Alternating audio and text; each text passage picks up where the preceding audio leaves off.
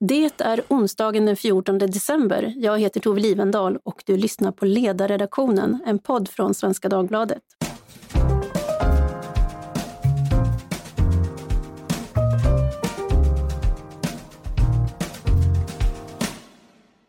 Det är juletid och vid sidan av ljus och stjärnor och god mat är det också mycket alkohol.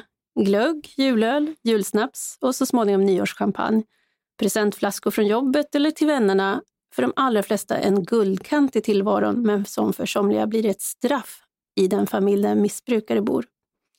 Det finns också en samhällsekonomisk sida av det här som vi ska återkomma till, men vi ska börja med de allra minsta. För inte alla barn längtar efter julen, är budskapet från stiftelsen Trygga Barnen. I en liten film som finns i sociala medier syns en liten flicka som letar rätt på och häller ut spriten medan mamman sover ruset av sig i soffan. Barn ska inte behöva vara hjältar i jul, är budskapet. Frågan är vad barn kan göra som hamnar i den här situationen och vad de som finns i omgivningen också har för ansvar.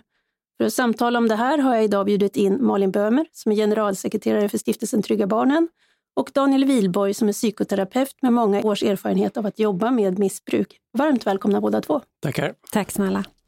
Malin, börja med dig. Vad gör stiftelsen Trygga Barnen? Trygga Barnen stöttar barn och unga mellan 7 och 25 år som växer upp i familjer med missbruk och någon form av beroendeproblematik. Och hur gör ni det?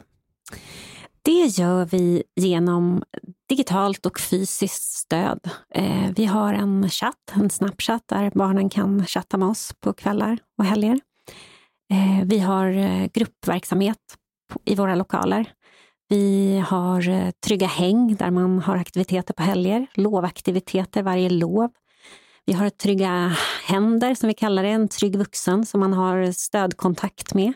Och vi har också Trygga högtider där vi ordnar både trygg midsommar och trygg jul för de här barnen som ofta inte har de här sakerna. Och vad får ni för respons på det här? Har ni många som kommer till er?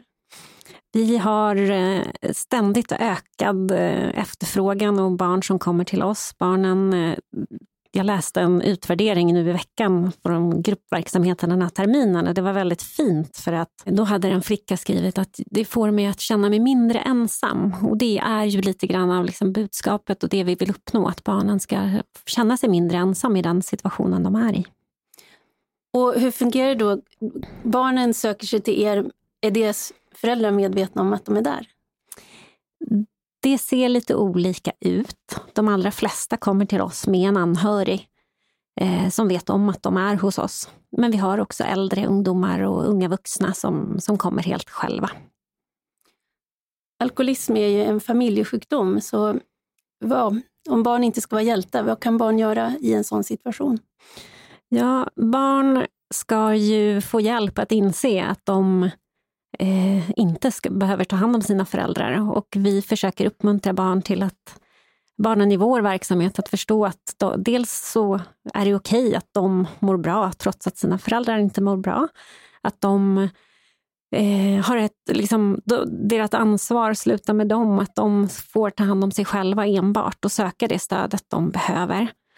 Eh, det är viktigt. Jag funderar på, finns det någon, när ni tittar på de som kommer till er, finns de från särskilda socialgrupper eller är det liksom, ja, var kommer barnen ifrån? Är det, är det som medelklass eller är det under barn som växer upp under väldigt svåra ekonomiska och sociala förhållanden? Om man bortser från det faktum att, att, att leva med missbruk i familj är ett, en svår social situation. Ja, precis. Och vi har barn från alla socioekonomiska med all socioekonomisk bakgrund från alla områden. Eh, det man kan säga är väl att det ofta är dolt på ett annat sätt i eh, de finare områdena så att säga. Och barnen kan ha svårare att identifiera den här klumpen i magen när man har föräldrar med bra jobb, fint hem, fina resor på loven och att det kan vara svårare att känna vad, vad som är fel. Men det finns i hela Sverige, i alla områden, i alla samhällsklasser. Det är en folksjukdom på det sättet. Mm. Botox Cosmetic, out toxin A, FDA approved for over 20 years. So, talk to your specialist to see if Botox Cosmetic is right for you. For full prescribing information, including boxed warning, visit BotoxCosmetic.com or call 877-351-0300. Remember to ask for Botox Cosmetic by name. To see for yourself and learn more, visit BotoxCosmetic.com. That's BotoxCosmetic.com.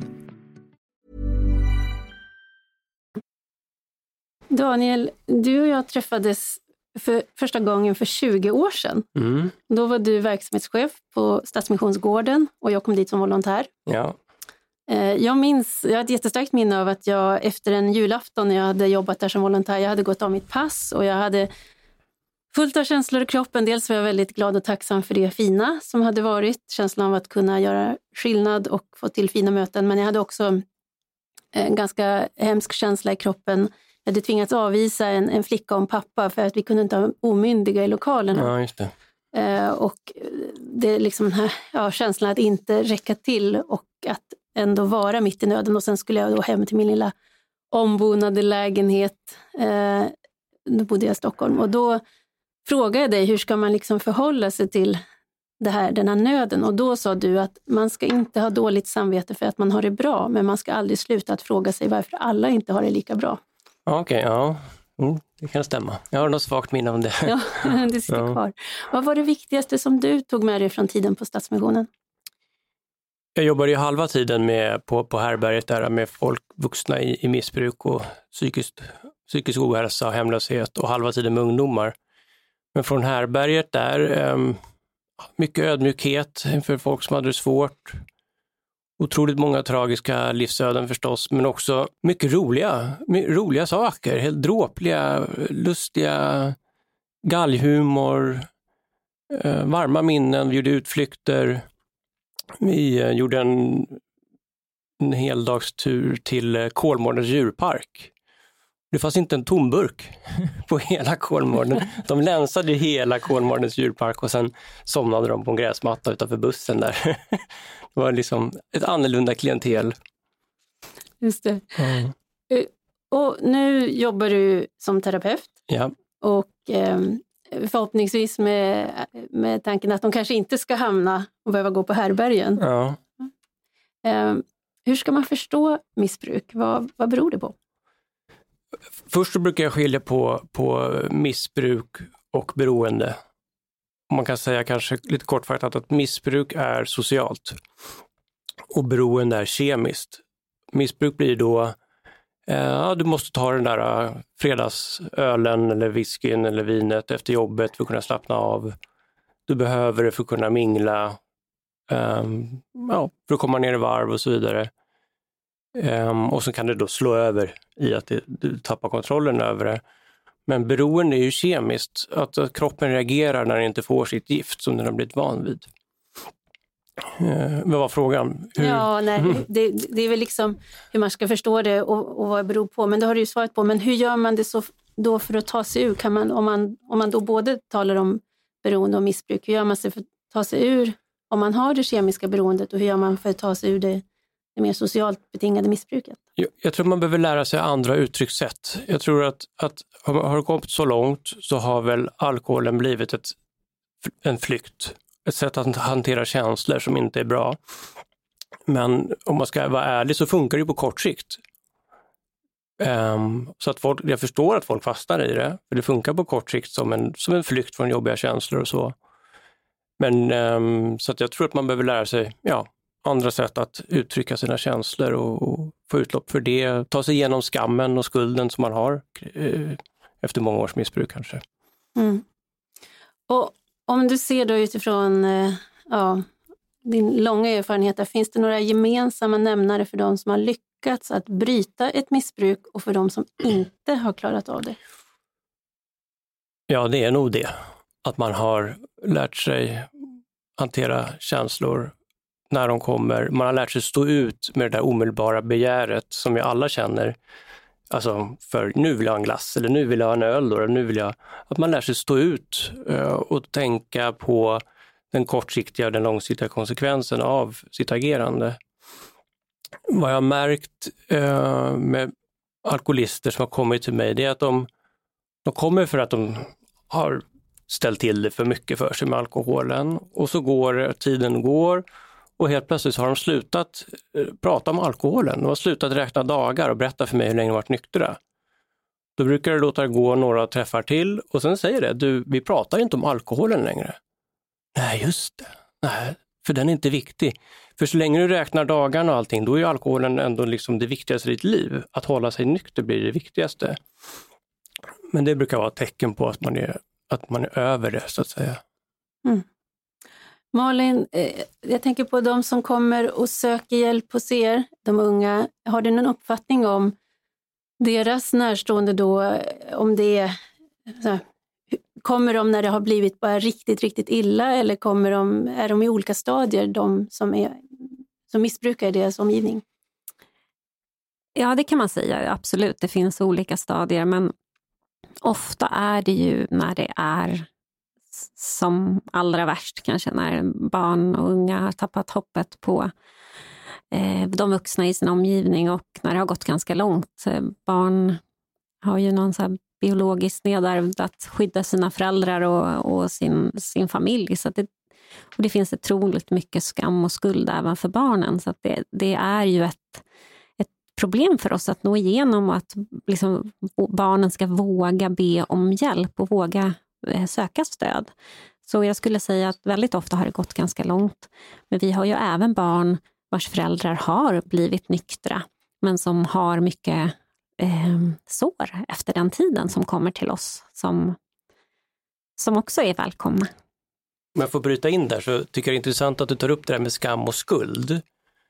För att um, unga vuxna eller vuxna personer som kommer till mig där en förälder har, eller båda, har supit jättemycket. De har liksom på något konstigt sätt känt sig som förövare när de har påtalat för sina föräldrar att det där är inte okej. Okay. Mm. Så att rollerna har skiftats. För det är, liksom, det är föräldern som är förövaren. Och eh, barnet är ju ett offer för ens förälder dåliga beteende. Men, men så har det liksom switchats, om, jag, om ni förstår vad jag menar. Att, att barnet då blir en eh, elak mot föräldern som inte bara låter föräldern dricka i fred. Som sviker sin familj. Ja, ja och som påtalar liksom mamma eller pappa. Eller, ja, mm. hur kan du, du får inte dricka, det är läskigt när du dricker. Och så går föräldern in i en offerroll och säger du bara klagar på mig, jag duger minsann aldrig, jag får inte ens dricka.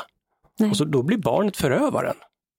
Och det finns ju även fall där föräldern skuldbelägger barnet och anklagar, mm. alltså, ja. Om det inte vore för att du vore så jobbig Just så skulle det. jag inte behöva dricka, ja. då skulle jag inte behöva göra det här. Ja, en klassisk gaslightning. Ja. Mm. Just det, den vuxna blir barnet mm. istället. Mm. mm. När man söker hjälp hos er, det här med anonymitet.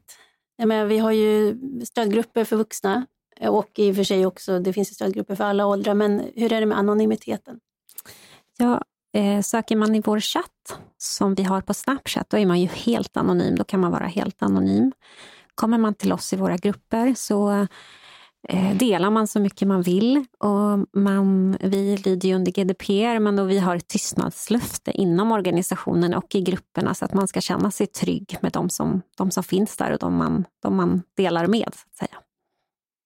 Vad, vad händer, man tänker i, en sån här grupp då, eh, funkar det? Klarar barnen av att sitta och dela med varandra om sina erfarenheter?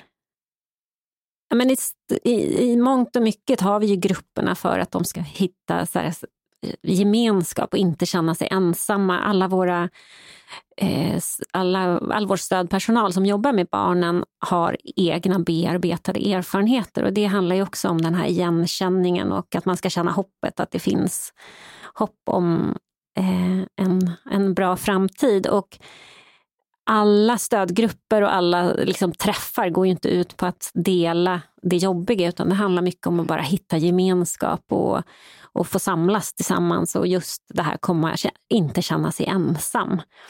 Men vi har eh, väldigt fin respons från alla barn i, i, i grupperna och det, det, är klart att det finns olika individer där också. Vissa sitter tyst för sig själv hela, nästan hela terminen innan man vågar delta, öppna upp och kanske prata. Medan andra är väldigt öppna. Så det, det är väldigt individuellt och olika. Jag pratade med min dotter om det här temat igår och berättade att jag skulle prata om det här med er idag. och frågade om hon hade någon input och då sa hon, men hur kan man som barn utifrån ett barns perspektiv lita på att det, att det blir bättre om jag anmäler? Vad, och hur kan ett barn få syn på processen som kommer att ske redan innan jag anmäler så att säga? Mm. Um, Jag har inte svaret på den, men det är ju, jag tycker det var en fin eh, input. Liksom. Det är klart att barn vill ju ha förutsägbarhet. Och då vill man ju veta. Det, det blir ju ändå någon konstig form av trygghet att föräldrarna är i alla fall där. Just det. Och anmäler jag, vad händer då? Är det sådana frågor som kommer upp hos er? Nej, men jag skulle säga att det är ju en jättestor problematik och det är ju många av de här barnen som kanske har varit i kontakt med vissa instanser och inte känner att de har eh, fått stöd de behöver och att de, de behöver mer en stödgrupp där de kan se delaktigheten och i, känna igen sig. För det handlar ju inte alltid om att man kan förändra. Man kan inte alltid anmäla och det blir en förändring direkt utan det handlar om att hitta stöd i den situationen man är många gånger också. Och, och jag tror att du har rätt i att det är verkligen många barn som drar sig för det här för att det, det är otroligt mycket osäkerhet i det och det är svårt att, att nå fram och få till en förändring utifrån Mm. för någon Mm. som är i ett missbruk eller ja, beroende. Mm. Jag tänker på den här kampanjen då som Trygga Barnen har. Och ni brukar ju också, jag brukar säga att ni brukar hänga upp på olika såna årstider eller högtider och, och så. Är, är, det, är det särskilt i juletid, Daniel? Triggas vi igång av saker då? Finns det saker där som verkligen kan, kan göra att det blir extra jobbigt? Ja, alltså om man försöker hålla sig nykter och så, så är det alkohol mer. På, alltså, det dricks mer ju under den här tiden och det gör det ju. Då är det väl klart att det är svårare att hålla sig nykter. Ehm, och sen tänker jag mig att alltså, för en del har det gått så långt eh, i en del familjer att mamma eller pappa blir så otroligt grinig om de inte dricker. Så att de anhöriga nästan kan be dem om att dricka lite. För att det ska går och Ja, med dem? ja, för att det ska gå att umgås med dem. Liksom. Ehm, och så, så spårar det väl allt, i princip alltid ur då. då. Men ja, julen är svårare för, för den som dricker och för de anhöriga. Är det saker som kommer upp eh, hos de barn som kommer till er nu, att de funderar på hur det ska bli inför helgerna?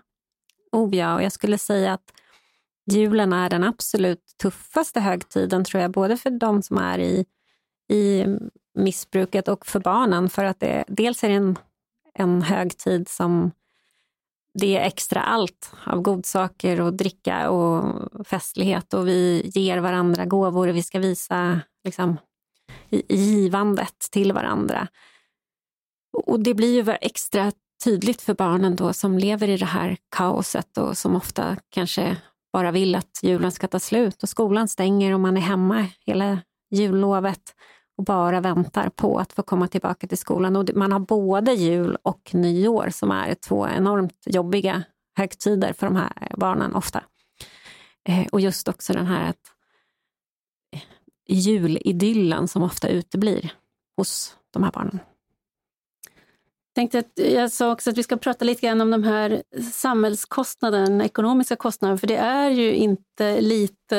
Eh, jag såg en rapport som Systembolaget hade bett Ramboll göra och det var då från 2017 och då hade man uppskattat de samlade kostnaderna av alkoholkonsumtionen för cirka 103 miljarder kronor.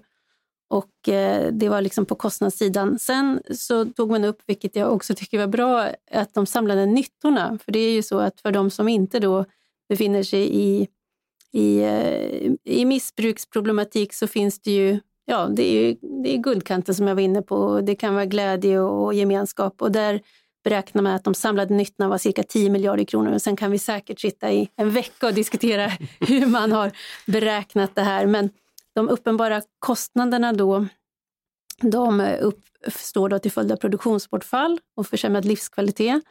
Den enskilt största kostnadsposten är den produktionsförlust som uppstår vid förtida dödsfall. Men sen har man då kostnader för sjukdomar, skador, missbruk inom äldre och hälso och sjukvården, socialtjänsten. Eh, och det kan vara sjukfrånvaro, det kan vara kostnader till följd av brottslighet om det går så långt. Eh, och sen då inverkan på människors livskvalitet eh, ekonomiska spridningseffekter för företag och arbetstillfällen som kanske fungerar sämre då på grund av att personer inte klarar av att sköta det de ska. Eh, så det är ju, det är ju det är ganska stora tal vi mm. talar om och jag vet att någon nu har jag inte den färsk i minnet, men att man hade också gjort någon koll på hur många som, som var inne på akutmottagningen där det också fanns en alkoholrelation och det var också ganska dramatiska siffror. Eh, och samtidigt så är det ju här ett, det är ett samhällsfenomen, så min fråga till er är om det finns någonting som ni tycker att politiken bör och kan göra? Ja, underlätta för folk att gå i terapi skulle jag säga eftersom jag är psykoterapeut. Så att folk lär sig andra sätt att hantera jobbiga känslor och prata mer om det. Liksom. Alltså om psykisk ohälsa och missbruk. Um, prata mer om det från politikernas håll. Liksom. Det är väl det mm. jag tänker. Just det, på det sättet gör det mindre tabu kanske? Ja. ja. Vad säger du Malin? Nej, men jag håller med och någonstans så tror jag också att vi måste se vi måste se det som den folksjukdom det faktiskt är och inte bara en problematik. För det är ju det är en folksjukdom som kostar mycket pengar och får förödande konsekvenser både för individerna som drabbas men, och, och för barnen som också är en enorm kostnad och, och som löper större risk för, för att hamna i eget missbruk och för psykisk ohälsa och ja, för stora samhällskostnader där också. Så att... Life is made up of many gorgeous moments. Cherish them all, big and small, with Blue Nile. Whether it's for yourself or a loved one, Blue Nile's unrivaled selection of expertly crafted fine jewelry and statement pieces help make all your moments sparkle. Blue Nile's experts are on hand to guide you, and their diamond guarantee ensures you get the highest quality at the best price. Celebrate a life well lived in the most radiant way and save up to 30% at BlueNile.com. That's BlueNile.com. Ja, det är väldigt många led. Jag hade en lärare i ett tidigare stadium av livet som var djupt alkoholiserad och som fick springa ut under lektionstid för att fylla på så att säga. Mm. Och den undervisningen blev ju kanske inte den, den mest, eh, ja, jag, det var inget ämne jag briljerade i kan jag säga. Jag tror ingen annan gjorde det heller, därför att personen skulle uppenbarligen inte mm. ha varit kvar i den tjänsten. Mm. Så det är ju, det är också, där blir ju på något sätt också en förlorad investering att här sitter liksom hela klasser, lägger ner den här tiden, energin och, och, och, och får egentligen inte den undervisning man ska ha. Nej, men förstår, vilka ringar på vattnet av... Ja. Och det, det, det, det, det vi har klarat oss ändå, men, men eh, så att det, de ni träffar har ju naturligtvis en mer akut situation och förlust än vad, vi kände. Men jag tänker just när man kan tänka i så många led, mm. vad konsekvenserna mm. kan bli. Mm. Verkligen. Eh, jag funderar på nu, kanske då för de som har lyssnat, vilka, nu ska vi inte vara så glädjedödare, men det här är väl, vilka varningssignaler bör man vara uppmärksam på när det gäller den egna konsumtionen? Ska jag ta den? Ja, gör det. Um, nu får vi ja, gratis råd här från terapeuten. ja, just det. Um, nej, men det är väl det där om du om det, alltså om det sociala går över i ett, ett blackouter så att säga. Om det är en julfest och du tänker, men jag går dit och så dricker jag två glas vin och någonting och sen minns du ingenting av festen. Det började trevligt men du blev skitfull och att det upprepar sig. För då går det från att det är ett socialt drickande som du inte, men det tar inte stopp där och det är väl en viktig varningssignal. Liksom. Kan du inte sluta där, eh, då behöver du då söka hjälp. Och vad, också så här, vad händer när du inte dricker? När du inte flyr eh, jobbiga känslor, ångest och minnen och sånt med alkoholen. Eh, vad händer i dig då? Hur starkt blir det? Uh, för det är väl där någonstans, när man inte står ut med det, som man till slut dricker i alla fall. Uh, och då behöver man hjälp. Det, det, är ett tydligt tecken tycker jag. Och hjälp mm. finns att få? Ja, det finns hjälp att få. mm. det det. Och om man då misstänker att någon i ens omgivning far illa eller har problem, vad gör man då? Ja, om man misstänker att ett barn eller någon i sin omgivning far illa så jag skulle säga att absolut viktigaste är att våga fråga. Våga se och våga fråga. Och i det enkla rådet så handlar det inte så jättemycket om svaret utan att, alltså att, man, att man ser barnet eller den här unga personen, att man uppmärksammar, att man visar att man, att man har uppmärksammat någonting och inte ställa för stora liksom, förväntningar på att få ett svar eller att komma igenom eller så, men att äh, våga fråga. För mycket handlar om att uppmärksamma det här och att många vuxna visar ett enormt engagemang och de vill finnas där och, och, och vill göra något, men de känner sig väldigt osäkra i hur och vad man kan göra.